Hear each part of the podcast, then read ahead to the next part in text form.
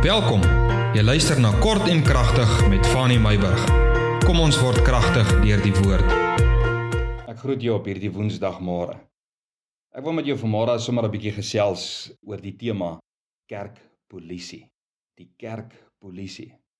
In my skrif is Johannes 5 vers 1 tot 17 en hierso kry jy die verhaal van die siek man in Bethesda.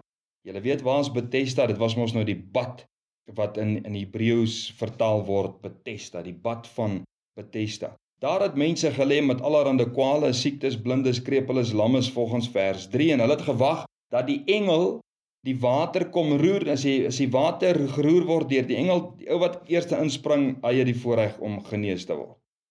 En so het daar ook 'n man gelê wat 38 jaar aan sy siekte gely het. 38 jaar. Vers 6: Toe Jesus hom sien lê terwyl hy geweet het dat hy al 'n lang tyd siek was, sê Jesus vir hom: "Wil jy gesond word?" Die sieke antwoord hom: "Hy sê: Here, ek het niemand om my in die bad te sit nie." Met ander woorde, hy weet nie wie Jesus is nie. Hy weet nie Jesus kan hom gesond maak nie.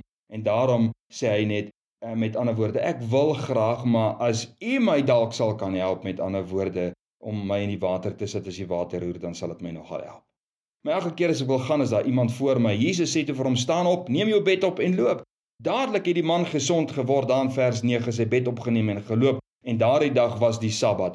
Ooh, nou is daar moeilikheid want dit is Sabbat en volgens die Joodse gebruik en die wet mag jy nie op 'n Sabbat eers jou bed opmaak, dit opneem en loop nie.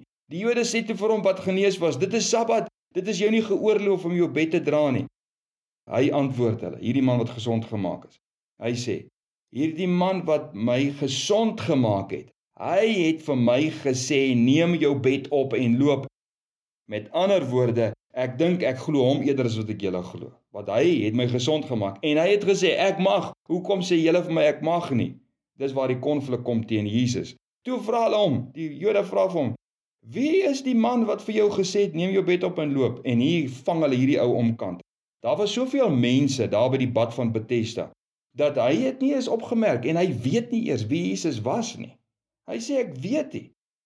En toe kom Jesus op 'n stadium by hierdie man en hy praat met hom. Hy sê moenie meer sondig sodat daar iets ergers met jou gebeur nie. Die man het toe gegaan en aan die Jode toe vertel dit was Jesus wat my gesond gemaak het. En die Jode wou Jesus doodmaak omdat hy op die Sabbatdag hierdie man gesond gemaak het. Kry hierdie prentjie vir een oomblik. Ek het gesê daar is daar is sekere dinge wat vir my absurd is in die Bybel. Mense se optredes. Hierdie is een van hulle. 'n man 38 jaar verlam, desperaat soek hy na genesing. Hy bly by die bad van Bethesda om dalk net eerste te kan wees die volgende keer wanneer die water deur die engel geroer kan word. Jesus kom verby, spreek woorde oor die man, hy is genees. Na 38 jaar. Dink vir een oomblik die vreugde, die opgewondenheid om sy bed self op te maak, sy bed self op te neem en huis toe te loop. In plaas van dat die Jode na hom toe kom en vir hom sê, "Hey Korneels man, geluk, so bly vir jou. Hoe het dit gebeur? Hoe voel dit? Na 38 jaar om weer te kan loop. Is jy bly? Kom ons braai man. Nee. Hier kom die kerkpolisie. Hulle sê vir hom: "Jy, man wat 38 jaar verlam was en nou wonderbaarlik genees is, jy mag nie jou bed opmaak, dit opneem en loop huis toe gaan nie." Liewe genade. Ek praat met jou oor die kerkpolisie vanmôre. Die kerkpolisie is daai mense wat niks goed en reg in ander kan raak sien nie. Geestelik kritiseer altyd. Hulle sien altyd foute en die verkeerdheid en almal moet altyd reg gehelp word. En daar kan 'n mens sekerlik maar leiers geestelike leiers ook bylas. Hierdie ouens het ook self geen geestelike vermoëns nie. Hierdie Jode hulle kan hierdie man gesond gemaak het nie. Hulle het nie die geestelike vermoëns nie maar hulle kritiseer die een wat dit wel besit wat die gawes van God het word gekritiseer. Dis erg nie. Hulle wil Jesus vermoor. Nie net so seer omdat hy die geestelike vermoëns besit nie, maar het kritiek daarteenoor omdat dit nie binne hulle wetlike raamwerk val nie. Weet jy ek wil afsluit. Een van die grootste geestelike vermoëns wat 'n mens kan besit is om kompassievol te lewe. Kom ons leer om te huil saam met die wat huil en te lag saam met die wat lag. Jesus was uitsonderlik mens omdat Jesus soveel kompassie vir die mensdom gehad het. Hy het gehuil saam met die wat gehuil het.